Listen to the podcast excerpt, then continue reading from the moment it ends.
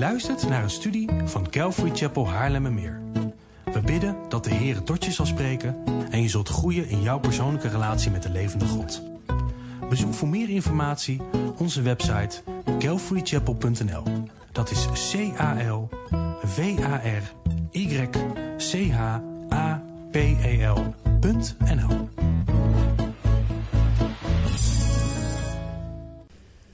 Sla alsjeblieft je Bijbel open op het prachtige Bijbelboek Romeinen. Het is alweer een tijdje geleden dat we samen naar Romeinen gekeken hebben. Maar de laatste keer dat we Romeinen samen behandeld hebben, hebben we gekeken naar Gods eeuwige plan met Israël. We hebben gezien dat God het verleden, het heden en de toekomst van Israël in zijn handen heeft. En het verleden zien we in Romeinen hoofdstuk 9. Het heden van Israël zien we in Romeinen hoofdstuk 10. En de toekomst van Israël, en daarin heeft Stan mij alweer prachtig allerlei uitdagingen gegeven door hoofdstukken te noemen uit het Oude Testament die ik daarvoor mag gebruiken. Uit Ezekiel en Daniel en ik weet niet welke andere boeken ik de komende weken nog eh, erbij ga krijgen. Maar de toekomst van Israël, Romeinen hoofdstuk 11. En wat we daarin gezien hebben is dat God een eeuwig plan met Israël heeft. Dat hij dus nog niet klaar is met Israël. En dat hij dat plan opgeschreven heeft en dat dat volk in zijn handen ligt. En vandaag gaan we een begin maken aan de prachtige en tegelijkertijd uitdagende hoofdstukken, hoofdstuk 9 tot en met 11. En we gaan kijken naar de uitleg van Gods eeuwige plan. We gaan kijken naar Gods zegen over Israël. We gaan inzoomen op verschillende details en aspecten van het eeuwige plan dat God met Israël heeft.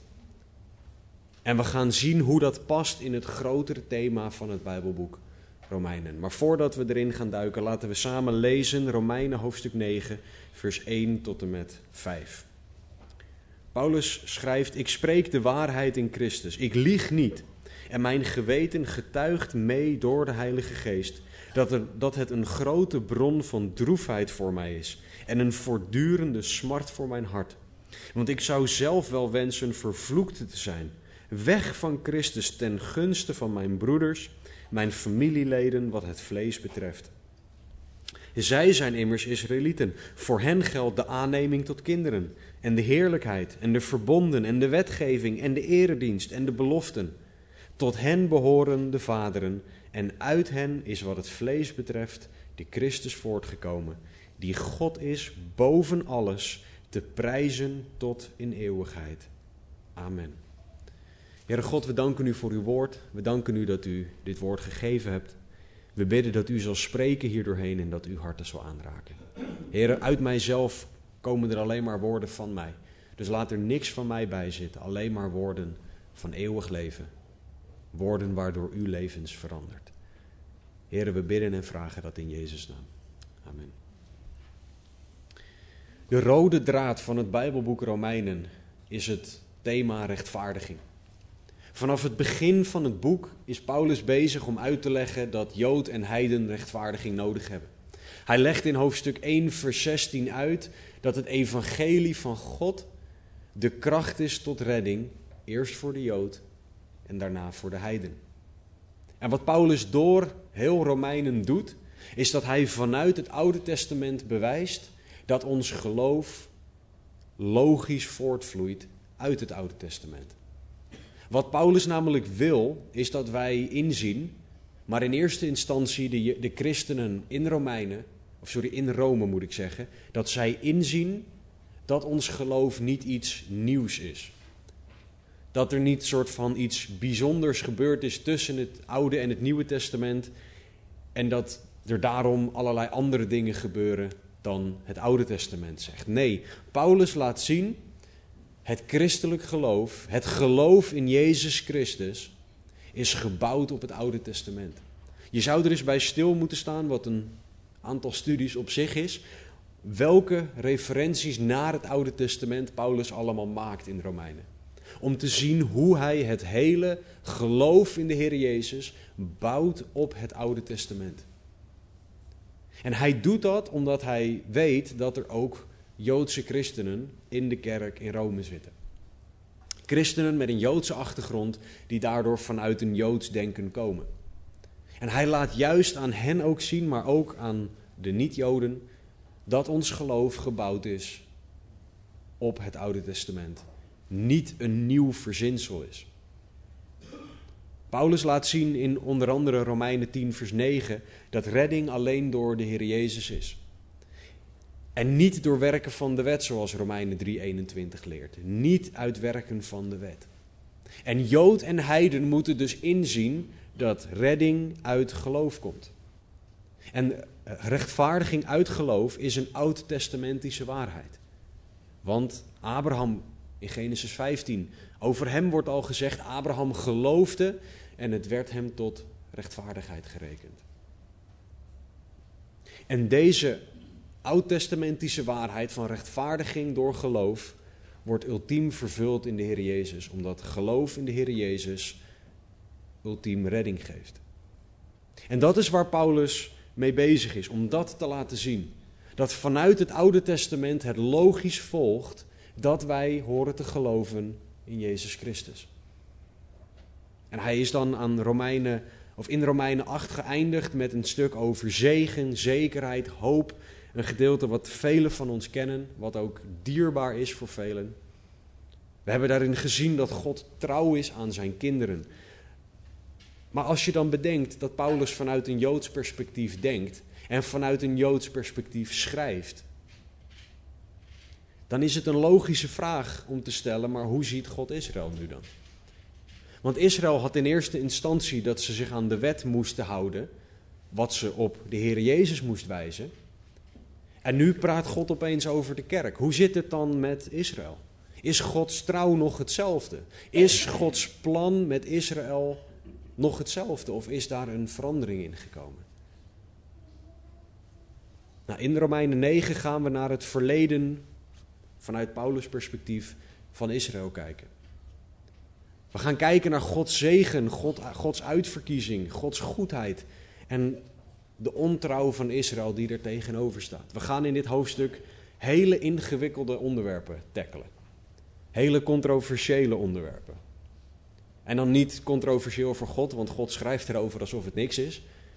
En Paulus die dacht er ook niet zo over na zoals wij jammer genoeg tegenwoordig. Maar er zijn echt hele heftige discussies over wat er allemaal in Romeinen 9 staat.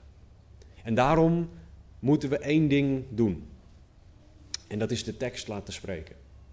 Want als wij naar Romeinen 9 gaan kijken met een vooringenomen blik, dan gaat de tekst alleen maar bevestigen wat wij denken. In de plaats van dat het ons leert wat de tekst zegt. We moeten God zelf laten spreken door de tekst heen. We moeten niet een theologisch systeem in ons achterhoofd hebben en daarmee naar deze tekst gaan kijken. En om even man en paard te noemen, dit gaat over de Calvinistische versus niet-Calvinistische discussie. Dit gaat over bestemt God voor en wat betekent dat dan? Bestemt God voor tot redding en gaat hij zelfs zo ver dat hij ook voorbestemt tot verdoemenis in de hel? Daar gaat deze discussie over vanuit Romeinen 9. Maar we moeten gewoon de tekst laten spreken. En dan gaan we zien dat God niet veranderd is richting zijn volk. Dan gaan we Gods zegen over Israël zien, dat Gods trouw naar Israël hetzelfde is en dat redding nog steeds in en door de Heer Jezus is. Dan gaan we zien hoe fantastisch groot Gods trouw is. En dat we die juist zien door Israël heen. En door hoe God met Israël omgaat. En daar mogen wij door bemoedigd worden. Maar Paulus begint deze hele bijzondere en ingewikkelde ehm, hoofdstukken met zijn eigen hart. Hij begint met zijn eigen hart. Hij zegt in vers 1: Ik spreek de waarheid in Christus. Ik lieg niet en mijn geweten getuigt mee door de Heilige Geest dat het een grote bron van droefheid voor mij is en een voortdurende smart voor mijn hart. Want ik zou zelf wel wensen, vers 3, vervloekt te zijn, weg van Christus, ten gunste van mijn broeders, mijn familieleden, wat het vlees betreft. Paulus zijn hart is vol droefheid en smart als hij denkt aan zijn eigen volk. En bedenk, Paulus komt net uit Romeinen hoofdstuk 8. In dit alles zijn wij meer dan overwinnaars. Vers 37. Ik ben ervan overtuigd, vers 38, 39, dat niks ons kan scheiden van de liefde van Christus. Maar als Paulus dan denkt, met die glorie, met die hoop, met die zegen in zijn achterhoofd, als hij denkt aan zijn broeders naar het vlees Israël, dan is er droefheid en smart in zijn hart.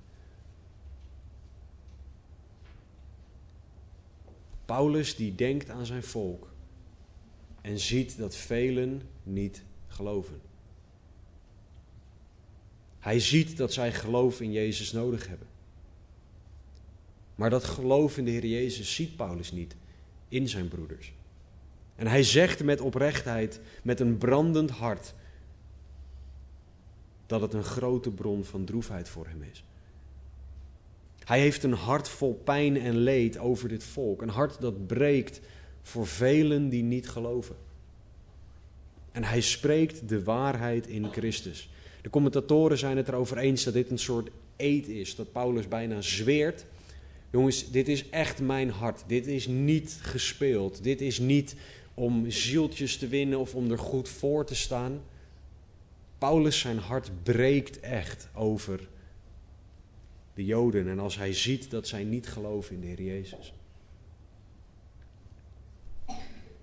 En we leren hier een, een ontzettend nodig principe. We zien pijn in het hart van een christen over het ongeloof van anderen. Het doet Paulus pijn dat de mensen die hij zijn volksgenoten noemt, niet allemaal reddend geloof hebben.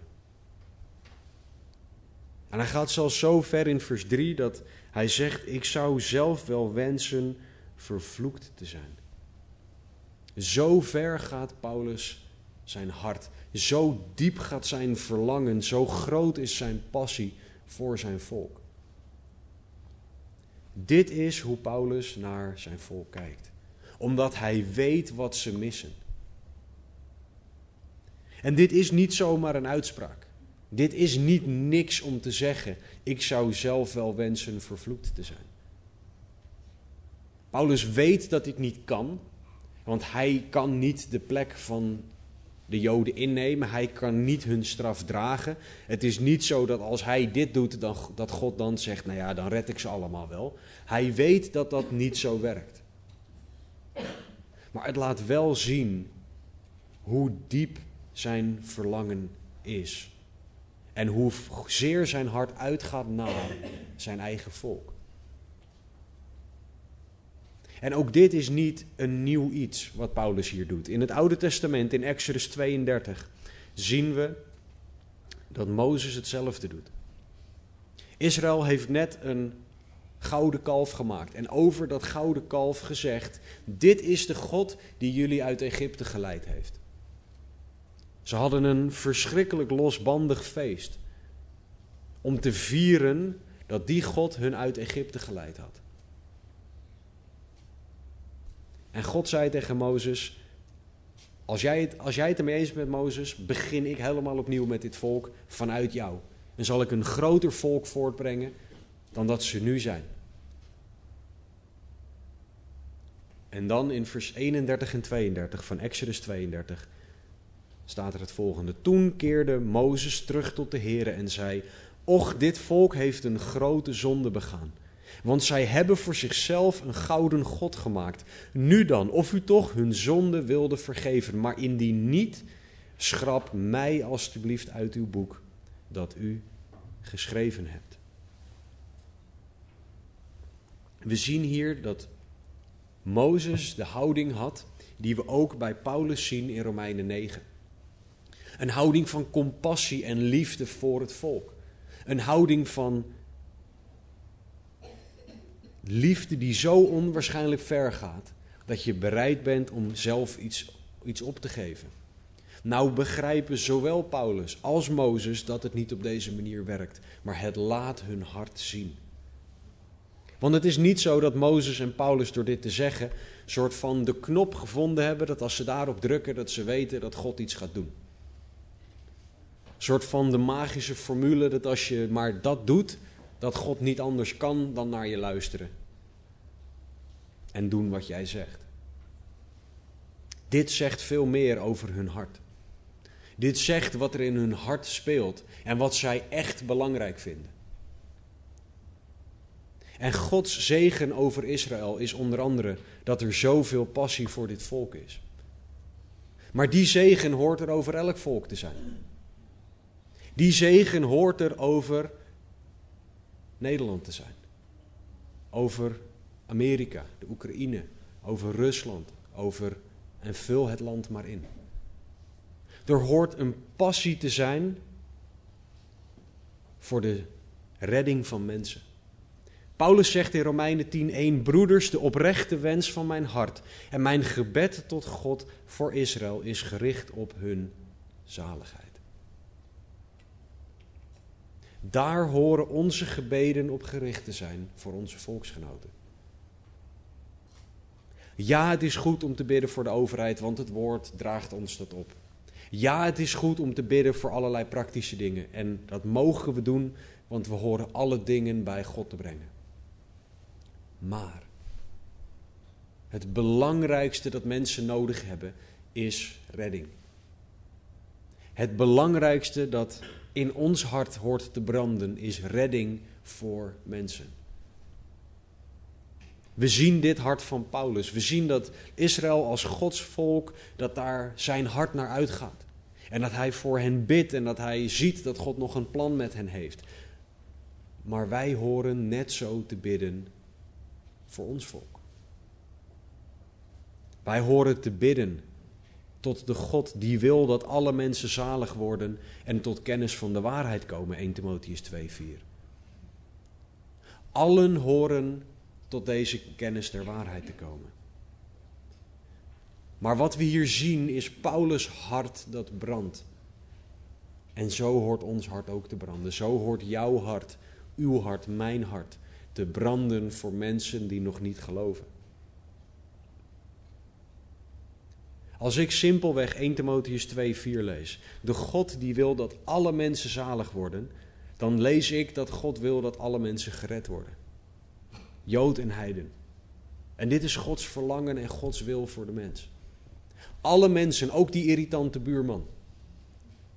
Ook die persoon in het verkeer die je afsnijdt. Ook die collega die nooit aardig tegen je doet. Ook die mensen die je belachelijk maken. Ook de mensen die je land binnenvallen.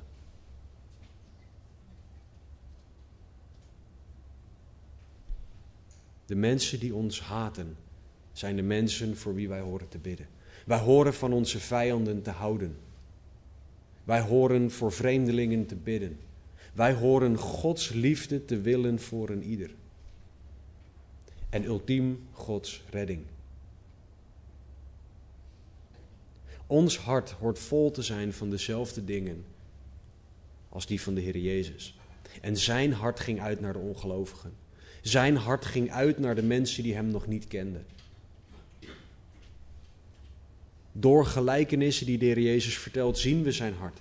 We zien de gelijkenis van de verloren zoon in Lucas 15.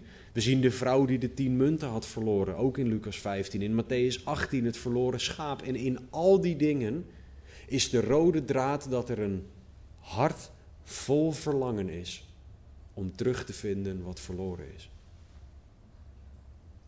God wil terugkrijgen, terugbrengen, bij zichzelf brengen, een ieder, al zijn kinderen. Dat is Gods hart. Dat is het hart dat we van Paulus zien. Dat is het hart van de Heer Jezus. Maar de vraag is wat er in ons hart zit. Waar gaat jouw hart naar uit? Heb jij een hart vol passie voor mensen die de Heer Jezus nog niet kennen? Of doet het je niks? De Heer Jezus zelf zegt in Matthäus 28, 19 en 20: Ga dan heen, onderwijs al de volken of maak discipelen van alle volken, hen dopend in de naam van de Vader, van de Zoon en van de Heilige Geest, hun lerend alles wat ik u geboden heb in acht te nemen. En zie, ik ben met u al de dagen tot de voleinding van de wereld. Amen. Dit is Gods verlangen. Gods verlangen voor Israël, zoals we bijvoorbeeld zien in Romeinen 10:1. Het verlangen van God in Paulus' hart in Romeinen 9. Dit is Gods verlangen voor elk volk. En dit is het verlangen, dit is de taak en de opdracht die er bij jou, bij u en bij mij ligt. Dit verlangen hoort in onze harten te leven. En als je tot de conclusie komt dat jouw hart niet brandt van verlangen voor de redding van de nog niet gelovigen, vraag dan aan God om bekering. Vraag aan God om jouw hart zacht te maken voor de dingen van Hem. Vraag aan God om jouw hart te veranderen, zodat jij zal zien en zal leven naar Zijn woord, in de plaats van naar wat jij wil. Want vanuit onszelf willen wij niet altijd de dingen van God. Dan willen we niet dat bepaalde mensen gered worden, terwijl God allen gered wil zien worden. Paulus had een passie voor Israël. Hij had een passie voor hun redding. En dat kwam tot uiting. Paulus wilde dat Jood en Heiden tot bekering kwamen. Maar Gods zegen over Israël is dat wij de redder hebben gekregen die voor allen gekomen is. En net als Paulus horen wij een passie voor Israël en voor de verlorenen te hebben. Want ja, wij horen ook te bidden voor Israël. Daar roept Psalm 122 ons ook direct toe op. Paulus zijn hart brandt voor Israël. Brandt voor de nog niet gelovigen. Waar brandt jouw hart voor? Waar kan jij voor wakker gemaakt worden om twee uur s'nachts? Waar ben jij bereid voor tijd op te geven die je misschien aan iets anders wilde besteden? Is dat voor de dingen van God of is dat voor de dingen van jezelf?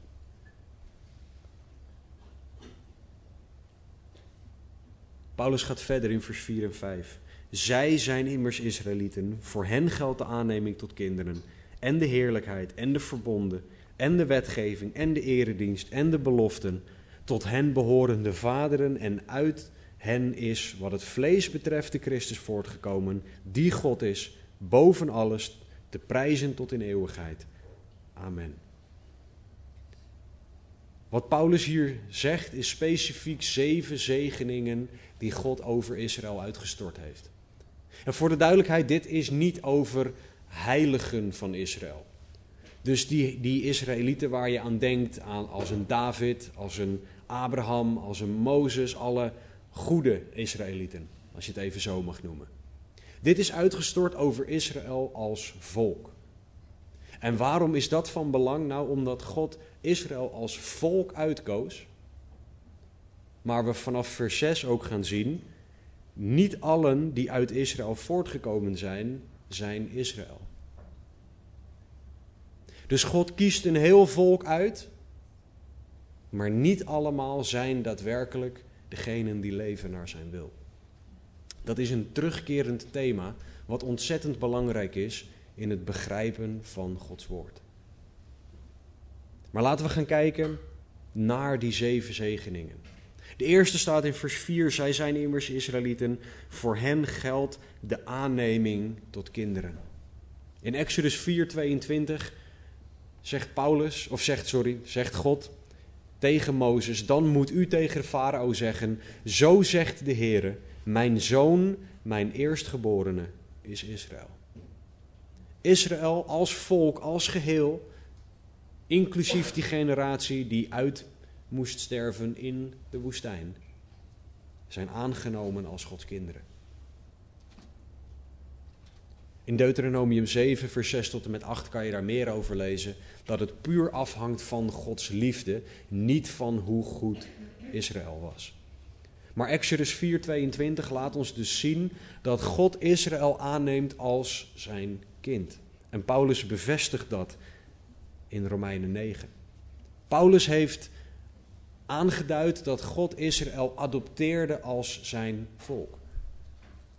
God adopteerde Israël en had hen aangenomen. Zijn liefde, zijn zorg en zijn opvoeding is er voor dit geadopteerde volk. En zo zijn wij ook geadopteerde kinderen aangenomen door God. En zijn wij geliefd en zorgt God voor ons en voedt God ons op. Maar deze zegen is ten eerste gegaan naar Israël, zegt Paulus. De tweede zegen is de heerlijkheid, zegt hij in vers 4. Exodus 40, vers 34 en 35 zegt het volgende. Toen overdekte de wolk de tent van ontmoeting en de heerlijkheid van de Heere vervulde de tabernakel, zodat Mozes de tent van ontmoeting niet kon binnengaan, omdat de wolk daarop bleef en de heerlijkheid van de Heere de tabernakel vervulde.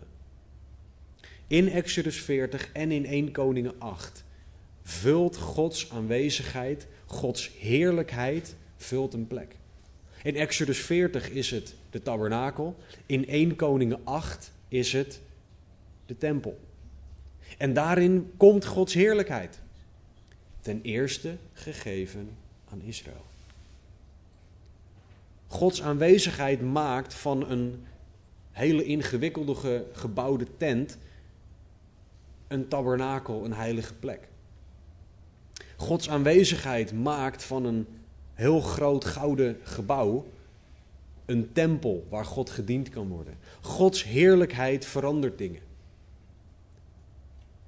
Gods aanwezigheid en Gods heerlijkheid maakt van een zaal in een wijkgebouw in Nieuw-Vennep op zondagochtend een kerk.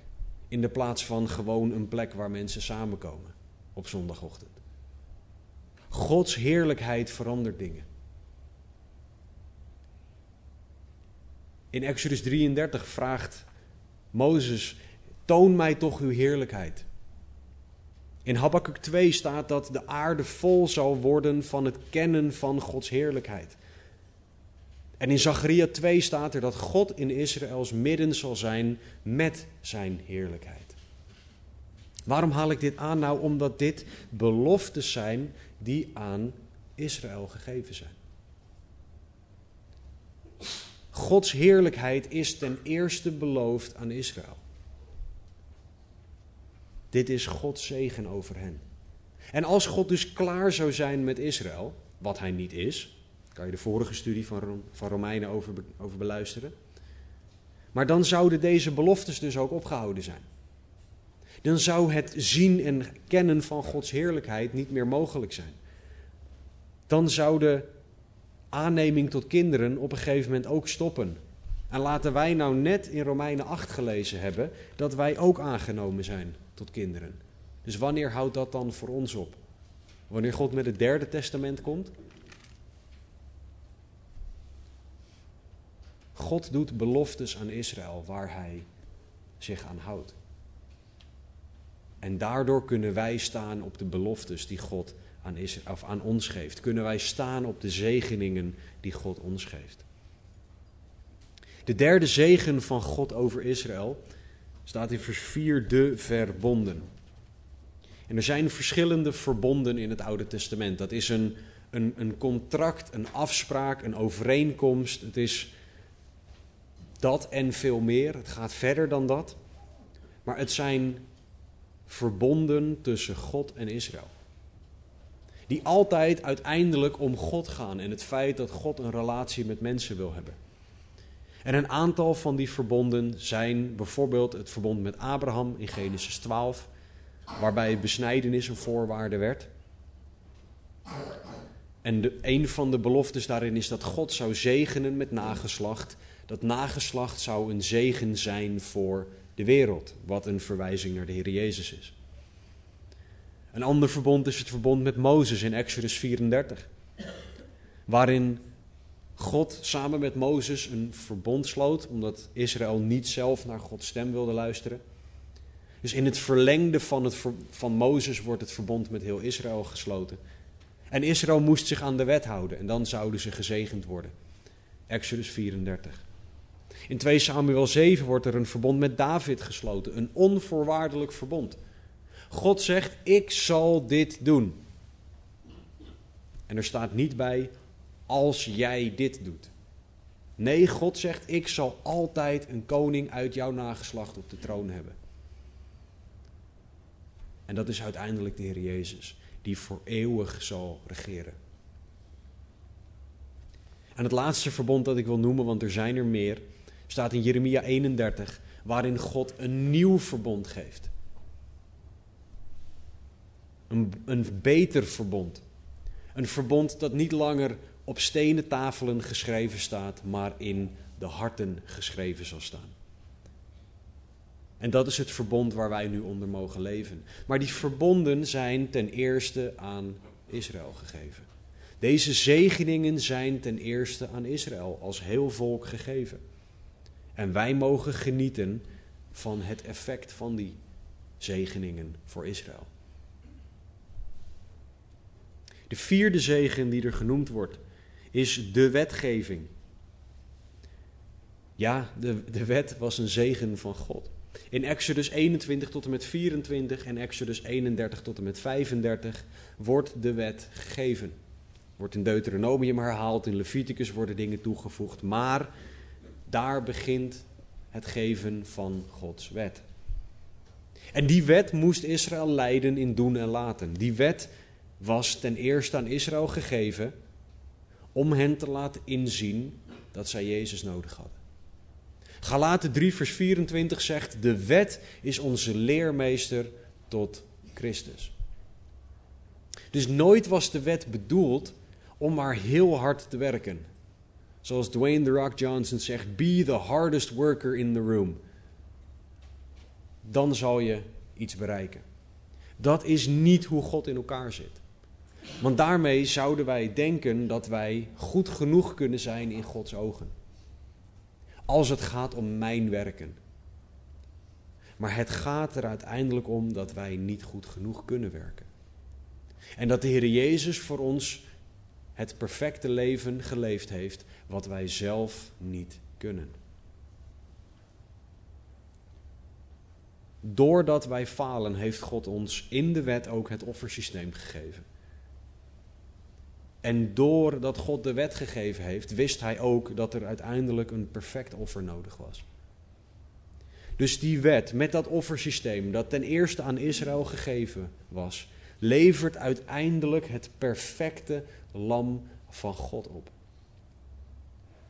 Uit het geslacht van Juda, één van de Joden, de Heere Jezus, die de wet en de profeten vervult, zoals Matthäus 5:17 zegt.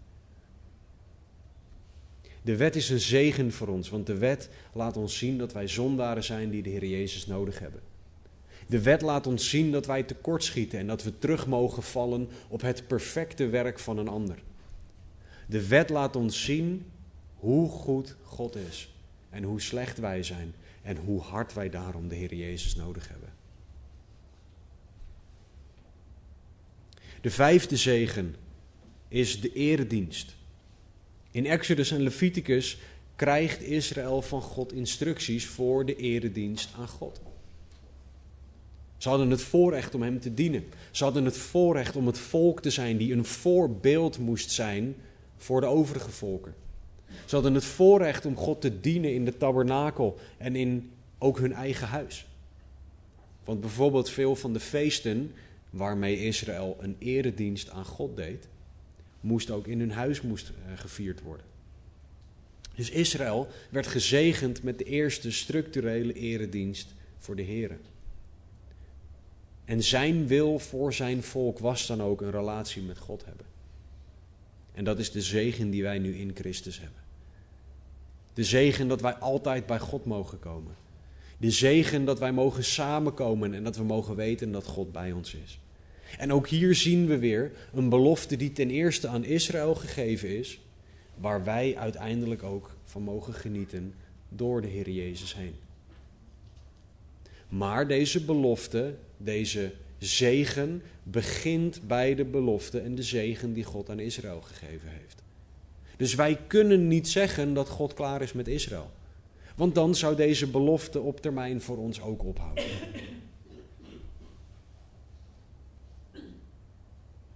De zesde zegen, zegt Paulus, zijn de beloften. 2 Korinthe 1 vers 20 zegt immers, zoveel beloften van God als er zijn, die zijn in hem ja en in hem amen, tot verheerlijking van God door ons. Er staan vele, vele, vele beloftes van God in de Bijbel. En ook daar weer, als je naar de context kijkt, zijn velen van die vele beloftes ten eerste van God aan Israël gegeven. Er zijn dingen die God letterlijk alleen aan Israël belooft. Bijvoorbeeld de belofte van een eigen land in Jeremia 29, 14. Wij kunnen niet claimen dat al de beloftes voor Israël van ons zijn. Want ik zit niet te wachten op een soort Kasperland waar alle Kaspers naartoe mogen om te genieten van Gods zegen. Dat wordt niet een heel gezellige plek op aarde namelijk. God belooft Israël een eigen land. Want dat is zijn belofte aan zijn volk op zijn tijd en op zijn manier gegeven. En we mogen dan blij zijn dat de God die niet liegen kan, nummer 23, 19, deze beloftes geeft. Want de God die niet liegen kan, logische conclusie, kan niet liegen als hij een belofte doet. Het is niet zo dat God een belofte doet en daarna zegt, grapje, was toch niet waar. Het is waar, want hij zegt het. Dus zijn beloftes zijn altijd waar. Israël kon bouwen op wat God zei. Toen zij het beloofde land gingen innemen, zei God: Ik heb dit land al aan jullie gegeven. Het was dus al van hun. Toen God een nieuw verbond beloofde, was dat waarheid. Toen God een redder beloofde, was dat waarheid. Zegen en vloek, alles dat God beloofde, kwam uit. En die perfect betrouwbare God is ook jouw God. Zegent ook jou. Houdt ook van jou. Wil jou leiden, wil jou sturen, wil jouw leven zijn richting geven. Want dat is een onderdeel van zijn beloftes aan jou. Net zoals Israël gezegend is, ben jij ook gezegend met beloftes van God. De zevende zegen van God over Israël staat in vers 5. Het nageslacht, tot hen behorende vaderen en uit hen is wat het vlees betreft de Christus voortgekomen. Israël had de vaderen, de voorvaderen, de aartsvaderen, de vaders van het volk, als in de leiders van het volk. Allemaal kwamen ze voort uit Israël. Met Abraham als eerste en daarna de lijn die volgt. En uit die lijn is ook de Heere Jezus Christus gekomen. Die God is, boven alles te prijzen tot in eeuwigheid. Amen. Gods trouw en Gods zegen over Israël zijn echt geweldig. Want in Gods trouw heeft Hij de Joden uitgekozen en gezegend. Heeft Hij een heel volk uitgekozen om te weten dat maar een deel van dat volk hem ook echt aan zou nemen. Zijn plannen zijn niet gestopt door Israëls ontrouw. Zijn plannen gaan juist door. En het nageslacht heeft ons Christus gegeven die God is. Er zijn mensen die zeggen: waarom zegt de Bijbel nergens dat Jezus God is? Die mensen mag je meenemen naar Romeinen 8, vers 5. Oh, 9 vers 5, sorry. Verkeerde hoofdstuk. Tot hen behoren de vaderen. Ik denk als je mensen bladeren. Nee, sorry. 9 vers 5. Tot hen behoren de vaderen, tot hen Israël behoren de vaderen. En uit hen Israël is wat het vlees betreft de Christus voortgekomen, die God is. Ik had het hier vorige week nog met Mark over. En die heeft voor mij uitgezocht in de grondtekst dat dit niks anders kan betekenen dan Jezus is God. Dankjewel, Mark. Dit is zo fijn. Dit is een zekerheid van de God die niet liegen kan. En deze belofte is uit Israël gekomen. Dit is een fantastische zegen die wij van God hebben ontvangen, onder andere door Israël heen. Ten eerste uit zijn woord en hij is letterlijk uit Israël voortgekomen. Gods zegen over Israël is daarmee ook een zegen over de rest van de wereld. En nogmaals, ik wil niet zeggen dat wij alle beloftes van Israël kunnen claimen voor onszelf. Maar wij mogen wel zien dat doordat God Israël zegent, wij kunnen bouwen en vertrouwen op deze God. Doordat God Israël zegent, gaf hij Israël ook een verantwoordelijkheid mee om te leven naar zijn wil en iets met die zegeningen te doen. God zegent jou ook. En wat doe jij met de zegeningen die hij jou geeft? Ben jij een soort koala-beer die dat allemaal voor zichzelf wil houden? Ik weet het, ik kan heel slecht dingen nadoen. Het ziet er niet uit, maar jullie snappen het. Dat is mijn kans al nu. Nee, het gaat. Het is niet mijn zegen trouwens, dit, dus ik mag het niet eens claimen. Maar wat doe jij met de zegeningen die jij van God gekregen hebt? Moeten jouw zegeningen alleen jou dienen? Of zijn jouw zegeningen bedoeld om God te dienen? En daarmee om anderen te dienen? En dat onderweg ergens je ervan uitgaat dat God jou ook zal zegenen met alles wat jij nodig hebt. Een van mijn grote dingen waar ik tegenaan loop, en ik ben gezegend met een vrouw die mij daar heel liefdevol, doch duidelijk op kan wijzen, is dat ik heel, heel veel dingen over mijzelf laat gaan. Zal, zal de meeste van jullie vreemd zijn, misschien dat ik de enige ben. Maar als je heel diep in mijn hart gaat kijken, ben ik een heel egoïstisch mannetje. En dat is iets waar God mij op aan het aanspreken is. Omdat ik de zegeningen die ik van God krijg, te vaak als een koalabeer zie. Van mij. Of als zo'n kat aan zo'n paal vastgrijpen en het nooit meer loslaten. Zo horen wij niet te zijn. Wij horen niet zo te zijn dat wanneer wij gezegend worden, wij denken: top, dat is voor mij. Wij horen dan juist te vragen: Heer, hoe wilt u dit gebruiken? Heer, hoe wilt u mij gebruiken tot uw eer? Hoe wilt u dit naar uw wil keren? Wat mag ik doen met de zegen die ik nu van u ontvang? Zo vaak zijn wij gericht op ik. Zijn wij bezig met onze eigen heilige drie-eenheid. Me, myself en I. In de plaats van dat wij bezig zijn met Heer, wat wilt u door mij heen doen met deze zegeningen? God zegende Israël namelijk. En zij moesten een zegen zijn voor de landen om hun heen. Kijk maar in het Oude Testament, dat is Gods opdracht onder andere aan zijn volk. Om een zegen te zijn voor de anderen door onder andere heilig te leven. Maar de vraag is wat wij doen met de zegeningen die wij van God ontvangen.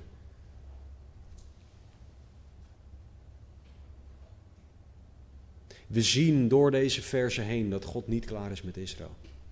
Daar gaan we ook nog verder over lezen wanneer we door deze hoofdstukken heen gaan. We zien dat God niet klaar is met Israël, ondanks dat hun verleden vol ongeloof en afwijzing van God zit. En Gods trouw aan, het, aan Israël is echt ongelooflijk.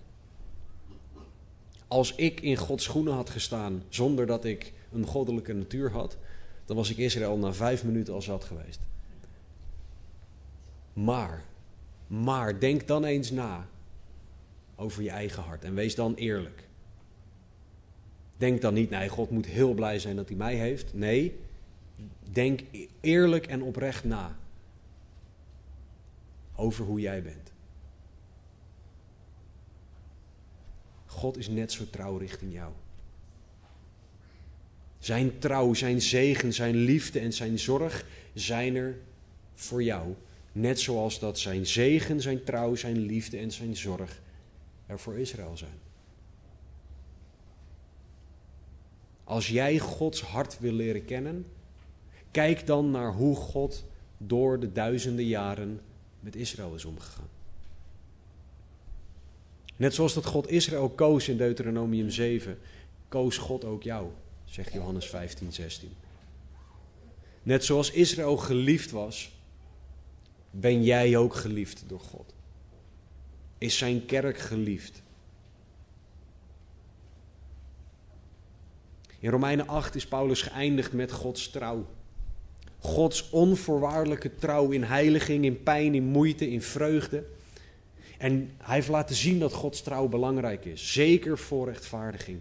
Want als Gods trouw niet vaststaat, hoe kan ik dan zekerheid van redding hebben? Zonder Gods trouw weet ik niet zeker of ik gered ben. En daarom is Gods trouw richting Israël cruciaal voor ons. Want als wij Gods trouw richting Israël zien, dan gaan wij Gods trouw in rechtvaardiging begrijpen.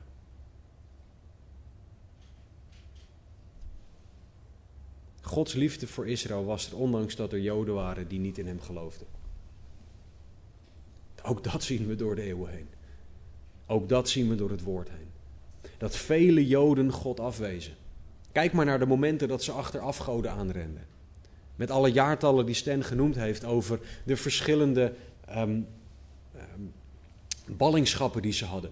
En hoe ze in fases heen gingen en in fases weer teruggingen. Dat kwam door ongeloof. Maar Israël bleef Gods uitverkoren volk. Hij bleef voor hen willen dat ze leefden naar zijn wil. En dat is dezelfde God die wil dat allen tot geloof komen. Ondanks dat er velen zijn die hem afwijzen. Dat doet niks af aan Gods wil.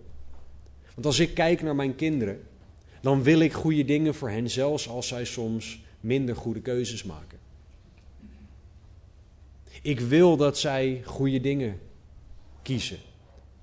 Ik wil dat zij goede dingen ontvangen, zelfs als zij andere keuzes maken. Dat is Gods hart. Gods hart voor de mens. En daar mogen wij op leren vertrouwen en bouwen. We mogen genieten van het feit dat God niet verandert. Dat staat onder andere in Malachi 3 en Hebreeën 13. We mogen genieten van wie God is. We mogen genieten van het feit dat er zekerheid bij Hem is die niet veranderen zal. En Gods zegen over Israël geeft ons zekerheid over hoe Hij ons zal behandelen. Gods liefde, Gods rechtvaardigheid, heiligheid, Gods genade, Gods barmhartigheid geven ons richting. En daar mag jij op vertrouwen en mag jij op bouwen. Dus als jij met moeite of met vragen aan God zit. Als jij nu in een periode zit dat je zegt, Daan, het is allemaal leuk dat je dit zegt, maar ik zie Gods trouw niet. Ik voel Gods trouw niet. Ik twijfel überhaupt of God bestaat op het moment. Ga naar God toe en deel dit met Hem. Leg je hart bij Hem neer. Het woord zegt niet voor niets dat je alle dingen onder smeken en gebeden bij God bekend mag maken. Daar staat niet bij alle dingen behalve twijfels, of pijn, of vragen, of moeite. Al die dingen mag je bij God neerleggen. En je mag Hem vragen om jou opnieuw te laten zien wie Hij is. Zodat je opnieuw onder de indruk zal zijn van de God van de Bijbel. Als jij nog niet gelooft, dan heb jij een ontmoeting met God nodig.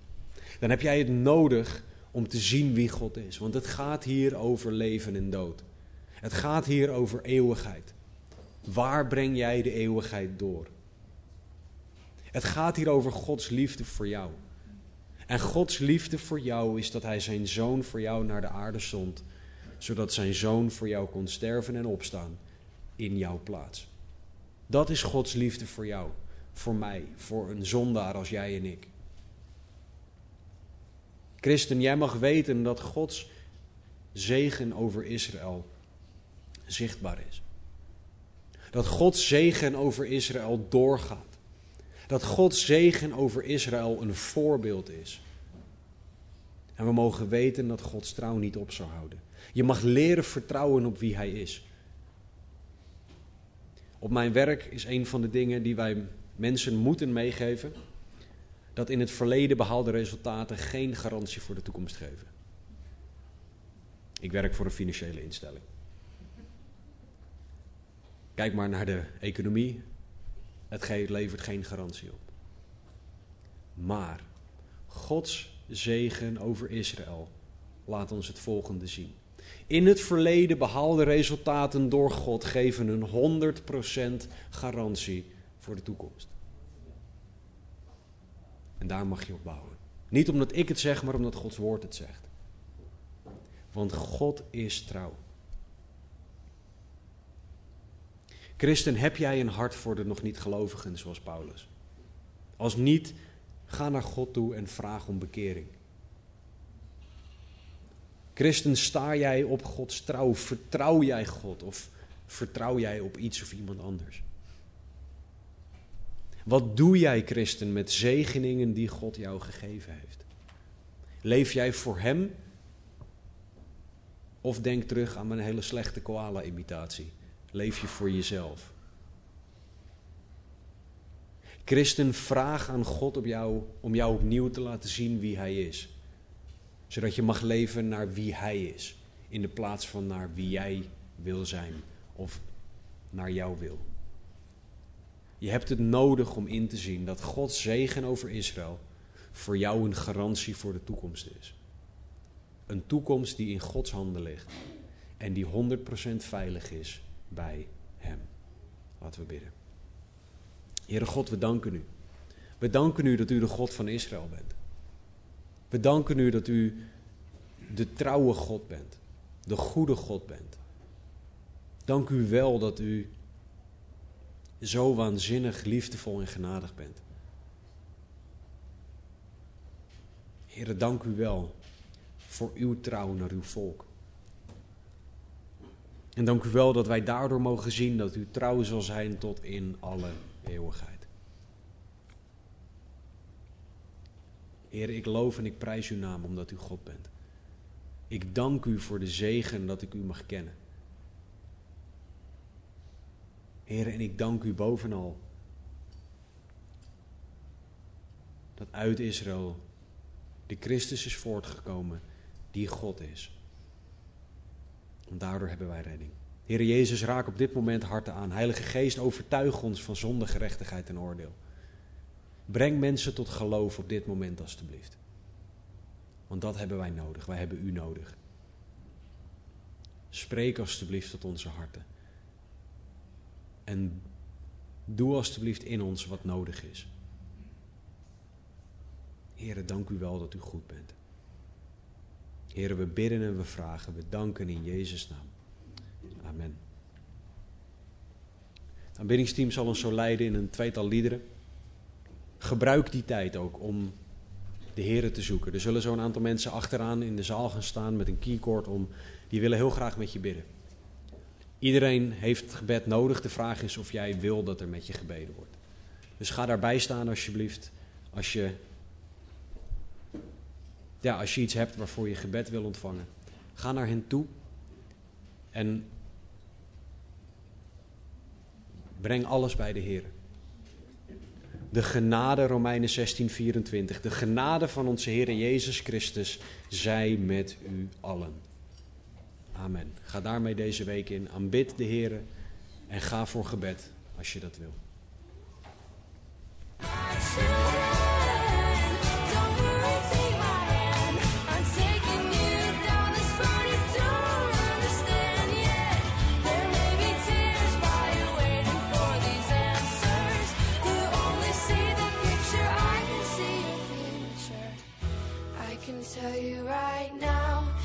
Gonna be alright.